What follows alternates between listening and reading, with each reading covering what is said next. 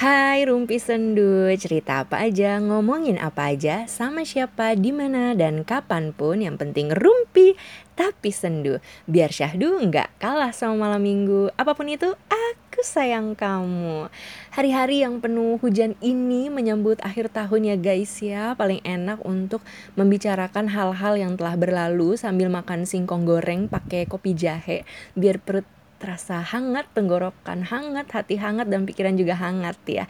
Jangan lupa beli kopi jahenya di aku, bisa pesan lewat Instagram aku, Facebook aku, Twitter aku, ataupun WA aku at jihansueleh. Makasih loh. Cakep kan openingnya langsung jualan. Diajak berhayal yang enak-enak, ujung-ujungnya diminta beli dagangan. Nah sama, ada segelintir orang yang awalnya menghujani kita dengan kasih sayang berlebih, ujung-ujungnya kita disakitin. Apa itu? Nah, ketemu lagi nih bareng aku Jihan Sueleh yang kali ini akan mau akan mau yang kali ini aku mau ngajakin kamu buat ngobrolin soal love bombing. Sebenarnya apa sih love bombing itu gitu? Yuk kita obrolin love bombing atau love bombing? Love bombing kali ya. Nah jadi love bombing itu uh, salah satu bentuk dalam manipulasi emosional yang dilakukan uh, seseorang untuk bisa mendapatkan kontrol atas orang lain yang jadi incerannya nih bestie Contohnya nih, aku lagi nggak ada duit, terus ada seseorang yang dekat denganku ngasihin aku perhatian, terus kayak udah nggak usah khawatir, biar aku aja yang beliin buat kamu, cie. Tapi ujung-ujungnya aku disuruh ini, disuruh itu dan harus nurut sama semua yang dia perintahkan. Itu contoh umumnya ya, bisa dari teman, sahabat atau kenalan tapi kalau dari hubungan antara cewek dan cowok biasanya uh, tahapannya tuh kayak gini. PDKT dihujani perhatian terus menerus dipuji-puji diapresiasi. Pokoknya dibikin kayak kita tuh seolah-olah ratu atau raja gitu. Sehingga kita jadi ngerasa ih gila ya baru kali ini ada yang nge-treat gue like a queen gitu. Kalau cewek kalau cowok ya ampun cinta banget nih kayaknya dia sama gue nih bahagia sampai ke tulang-tulang gue jadinya akibatnya kita jadi ikut uh, mencintainya banget banget banget gitu. Karena kita ngerasa telah dicintai sebegitunya. Kayak seumur hidup gue ini baru dicintai kayak gini tuh sama seseorang tuh cuma sama dia doang. Lalu akhirnya lama-lama kita jadi ngerasa bertanggung jawab untuk memenuhi kebutuhan pasangan kita itu dia minta ini kita kasih dia butuh ini kita beri dia mau bohongin kita ya udah dimaklumin mungkin hilaf. Dia mau ngata-ngatain kita oh ya udah mungkin dia cuma nggak tahu gimana caranya berkata dengan baik. Hal-hal yang kalau secara netral dan sadar itu kita bisa tahu bahwa itu salah. Tapi kalau udah kena love bombing kita jadi ngerasa enggak kok dia nggak salah dia baik. Cuma cuma mungkin emang kayak gitu aja sikapnya karena gimana ya cuma dia yang sayang sama aku ya. Kayak gitu karena rasa tanggung jawab itu kita ngerasa udah terlalu banyak dikasih sama seseorang akhirnya jadi ada rasa ingin membalas memberikan apa pun yang dia mau gitu. Padahal hati kecil tuh ngerasa kok gini ya? Tapi ya udah nggak apa-apa dia baik kok sama aku selama ini gitu.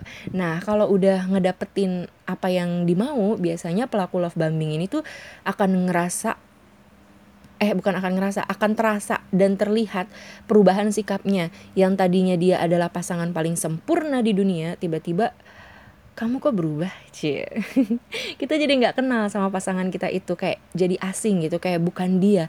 Terus kita bertanya-tanya apa kamu aslinya dua orang?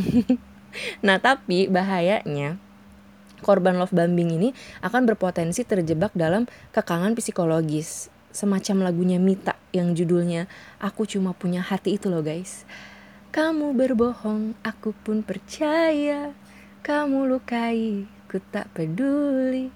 Coba kau pikir, di mana ada cinta seperti ini? kau lupakan aku, ku tetap di sini. Kau dengan yang lain, ku tetap setia. Tak usah tanya kan? Kenapa mak gue manggil-manggil kucing? Gue lagi nyanyi. Tak usah tanya kenapa aku cuma punya hati. Kenapa makin kenceng suaranya? Ya kayak gitu pokoknya lagunya kan. Aneh banget itu lagunya. Gak masuk di orang-orang yang uh, menjalani relationship dengan healthy gitu.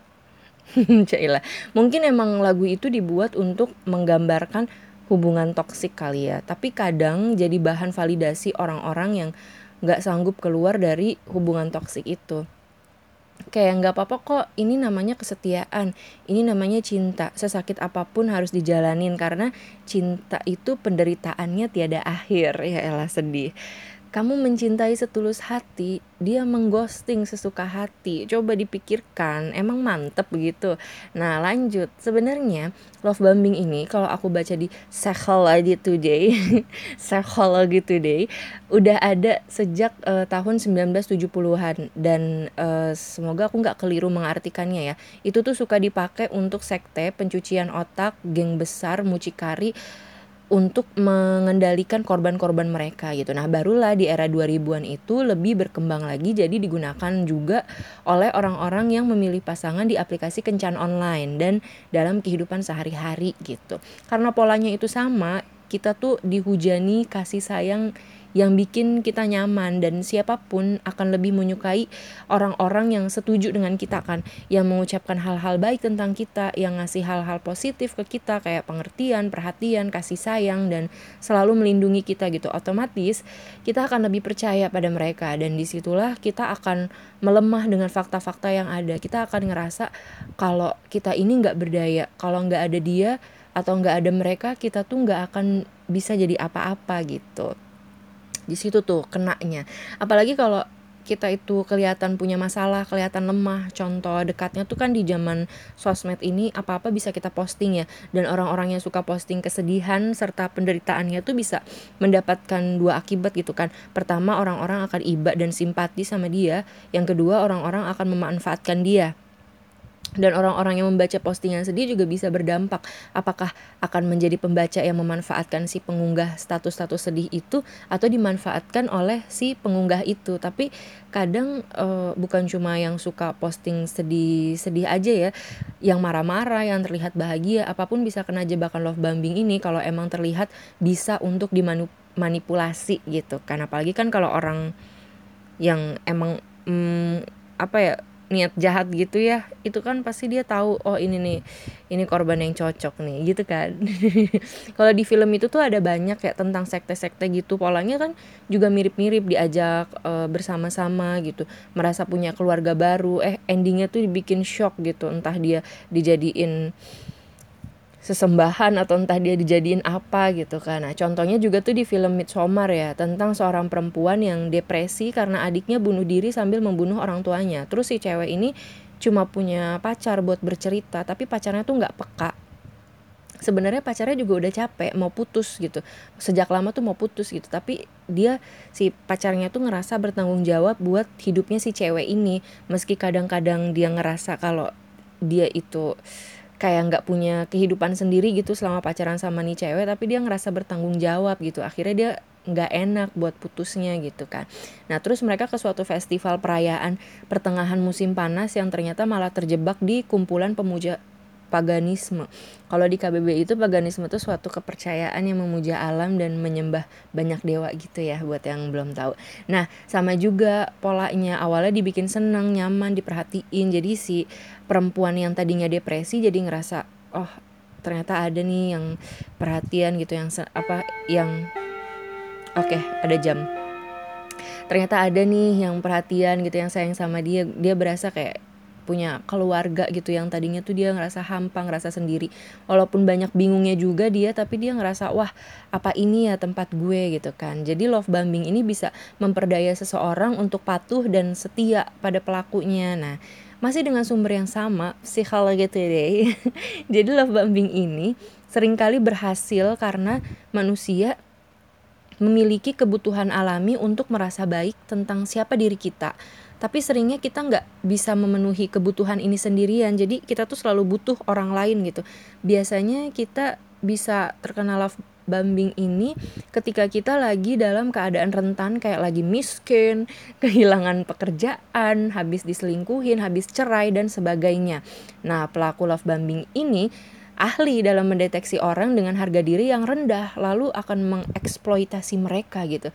Contohnya si sebut aja Nana ya nggak tahu Nana itu siapa si Nana ini udah cantik, bodinya juga bagus, tapi sayang dia bukan anaknya ayah rojak. Nah, dia juga pintar, dia mandiri, kaya raya karena hasil sendiri gitu, populer di lingkungannya. Pokoknya dia tuh memenuhi standar kecantikan dan kehebatan menurut SNI banget lah. standar nasional Indonesia. Tapi kok diselingkuhin gitu, kok bisa ya, dia tuh kurang apa gitu. Nah, buat orang-orang yang nggak paham, pasti akan ngerasa ya ampun kasihan ya semoga dia bisa mendapatkan seseorang yang tulus sama dia gitu. Semoga kesedihannya akan berakhir semoga dia akan bahagia gitu kan. Tapi buat pelaku love bombing wah santapan lezat nih. Dia emang terlihat sempurna tapi dia nggak punya nilai diri yang tinggi. Ya kucuk-kucuk. Datanglah si pelaku love bombing ini kenalan PDKT sama tuh cewek lalu berjatuhan segala bentuk perhatian dan kasih sayang ke si cewek ini yang membuat cewek ini mendapatkan dorongan dopamin dari romansa baru yang jauh lebih kuat daripada keyakinan dirinya sendiri terhadap kualitas dirinya. Akhirnya terperdayalah dia. Karena ada hal-hal yang nggak bisa dia penuhi sendiri di dalam dirinya telah dipenuhi oleh pelaku love bombing ini. Udah deh, masuk ke perangkap si cewek cantik ini. Nah, sama kayak orang yang menikah, dia susah buat bercerai meski udah disakitin dan dihancurkan berkali-kali karena ada banyak faktor dan salah satu yang paling mendasar adalah merasa nggak berdaya. Kenapa? Nilai dirinya belum terbentuk secara baik gitu. Butuh validasi, butuh dilindungi, butuh perhatian, macem-macem hal yang kalau kita udah tahu kualitas diri kita, hal-hal semacam itu tuh jadinya kayak ya udah bisa kita lakuin dan kita cari sendiri kok. Bisa kita atasin sendiri kok gitu. Karena kan nggak semua orang yang mandiri secara materi bisa mandiri secara emosional ya. Tapi kalau kita secara emosional udah mandiri bisa memahami kebutuhan kita punya batasan dan jelas pandangan serta prinsipnya kita juga akan mandiri secara materi gitu pelan-pelan. Bisa tahu pergerakan kita ke depannya bisa tahu oh ini yang baik yang ini yang enggak gitu-gitu. Nah, orang yang melakukan love bombing katanya memiliki kecenderungan untuk menjadi egomaniak, narsis, merasa dominan, berkuasa atas orang lain dan suka mempermalukan orang lain secara psikologis. Itu katanya sih ciri-cirinya gitu, kurang lebih kecenderungannya tuh kayak gitu. Tapi gimana sih caranya kita bisa tahu gitu tanda-tanda orang love bombing ke kita supaya kita tuh nggak ketipu gitu sama makhluk-makhluk sejenis yang kayak gini ya kan kita kan harus waspada nih Nah, walaupun kayak gini tuh sebenarnya nggak mudah juga ya buat diidentifikasi, apalagi kita bukan ahlinya, cuma setidaknya ada gambaran lah ya buat berjaga-jaga gitu. Kayak gimana sih pelaku love bombing dalam relationship itu. Nah, ini aku baca di webnya satu persen mengenai tanda-tanda pelaku love bombing. Pertama, pelaku cenderung memiliki kepribadian narsistik. Jadi kayak kelihatan nih. Tadi kan udah dibilang ya, kecenderungannya itu seperti uh, apa egomaniak terus narsistik tadi itu gitu. Nah jadi seseorang narsistik akan meningkatkan ego dan mengamankan eksistensi mereka agar selalu hadir di kehidupan pasangan gitu. Jadi awalnya tuh ada mulu nih wujudnya dia ya kan Nah, terus mereka berharap kasih sayangnya itu akan terbalaskan sama kita. Mereka ingin ada penegasan akan kekaguman dari orang lain seperti dicintai dan didengar, tapi ujungnya untuk mementingkan kepentingan dirinya sendiri, bukan untuk keseimbangan dalam menjalin relasi itu. Nah, terus yang kedua, memberikan apresiasi secara berlebihan. Semua orang pasti senang ya dikasih apresiasi, kayak ngerasa punya support system gitu ya. Tapi pelaku love bombing ini tuh ngasih pujian secara berlebih dan itu tuh untuk kita ngerasa berkewajiban membalas aksi mereka itu. Supaya kalau nanti mereka merintah ini merintah itu kita tuh nurut karena nggak enak. Dia doang nih yang mulutnya semanis itu sama gue gitu. Jadi mau nggak mau ya nurut deh. Terus yang ketiga itu pelaku membuat kita ngerasa bersalah dan kebingungan karena keyakinannya pelaku itu pasanganlah yang harus bertanggung jawab atas semua perilaku buruk mereka. Contohnya ada masalah. Kamu sih kebiasaan dikit-dikit nangis jadinya rusak kan nih semua yang harusnya baik-baik aja gara-gara kamu jadi berantakan. Makanya kalau aku bilang ah kamu tuh denger siapa suruh kamu nggak dengerin ngeyel jadi orang sok tahu gitu. Jadi mereka tuh ngerasa kalau mereka sama dengan orang lain lah gue aja bisa masa dia nggak bisa gitu? Gue bisa masa lu nggak bisa sih? Lah gue mah gini orangnya kalau lo mau ya lo harus nerima lah gue apa adanya. Tapi gue nggak bisa nerima hal-hal buruk di luar diri gue sorry ya ogah banget. Kayak gitu. Jadi ngeselin ya orangnya ya. Nah padahal kan tiap orang tuh beda-beda kan. Ada yang bisa memahami kalau dibicarainnya tuh baik-baik dan nggak saat itu juga langsung dibicarakan gitu. Jadi tunggu jeda dulu tunggu situasinya enak dulu baru dibicarain baik-baik baru dia bisa memahami. Ada yang dia emang lebih suka langsung aja gitu diomelin gitu. Dia tuh bisa bisa paham kalau udah dikerasin gitu. Nah buat buat dia tuh nggak masalah gitu. Tapi kan nggak semuanya sama kan jadi kita harus cari tahu dulu gitu loh orang-orang tuh kayak gimana kepribadiannya gitu. Nah pasangan itu kan mesti memberikan semangat dan kepercayaan yang membangun, bukan meruntuhkan kondisi mental pasangannya kan. Makanya itu harus kita lihat-lihat nih, oh tanda-tandanya kayak gini nih kurang lebih. Nah, tanda selanjutnya nih memanipulasi kebenaran. Jadi yang awalnya selalu memihak, selalu menyetujui apa pun yang pasangannya bilang, terus selalu mencari cara untuk didengar oleh pasangannya, eh akhirnya jadi ketahuan aslinya gitu lama-lama ternyata selama ini dia cuma bohong, cuma memutar balikan fakta dan lama-lama jadi terjerumus di dalam hubungan yang toksik gitu. Jadi kita kayak aduh baru ketahuan lagi orangnya kayak gini gitu. Padahal tuh sebenarnya dari awal udah ada tanda-tandanya, cuman ya itu kita terjebak, kita dimanipulasi terus gitu. Jadi kita ngerasa hmm, dia baik, dia baik padahal aslinya ya emang begitu gitu. Akhirnya kita jadi terjebak deh sekali lagi di hubungan yang toksik gitu. Dah, yang terakhir ini puncaknya gitu, menjadi posesif, merasa punya hak sepenuhnya terhadap kehidupan pasangan, merasa harus mengendalikan pasangan.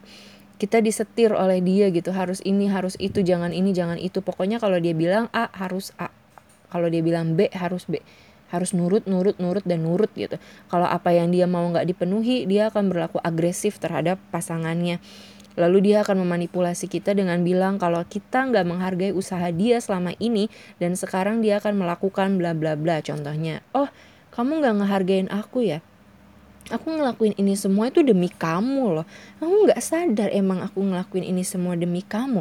Oke, aku sebarin video kamu lagi mandi ya. Aku posting status yang menceritakan fakta bahwa kamu punya rahasia ini itu yang pasti akan memalukan seluruh keluarga kamu. Cie kayak gitu. Atau aku akan bunuh diri kalau kamu nggak mau nurutin aku. Atau yang lebih membagongkan aku akan tabrakin mobil ini biar kita sama-sama mati. Ya yeah. macem-macem. Ancamannya macem-macem gitu. Dan sering terjadi di eh, kota-kota besar. Enggak ya? Nggak tahu di mana aja. Nah terus uh, si korban akan ngerasa takut kan otomatis ya dengan ancaman-ancaman yang diberikan itu.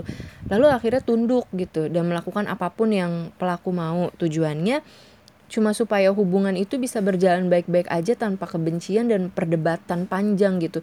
Dan dia bisa ngerasa aman gitu. Dia bisa ngerasa hidupnya ini terkendali gak gak bisa apa ya gak gak seperti apa ancaman itu gitu. Karena dia udah ketakutan kalau ancaman itu terjadi pasti hidupnya bakal begini begini jadi dia cari aman kayak gitu. Serem banget kan?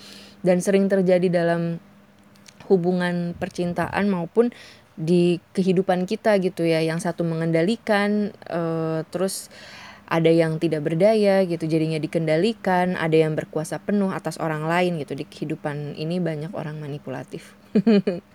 Menghela napas panjang. Semoga kita semua dijauhkan dari sifat-sifat pelaku love bombing ini ataupun uh, korban love bombing ya.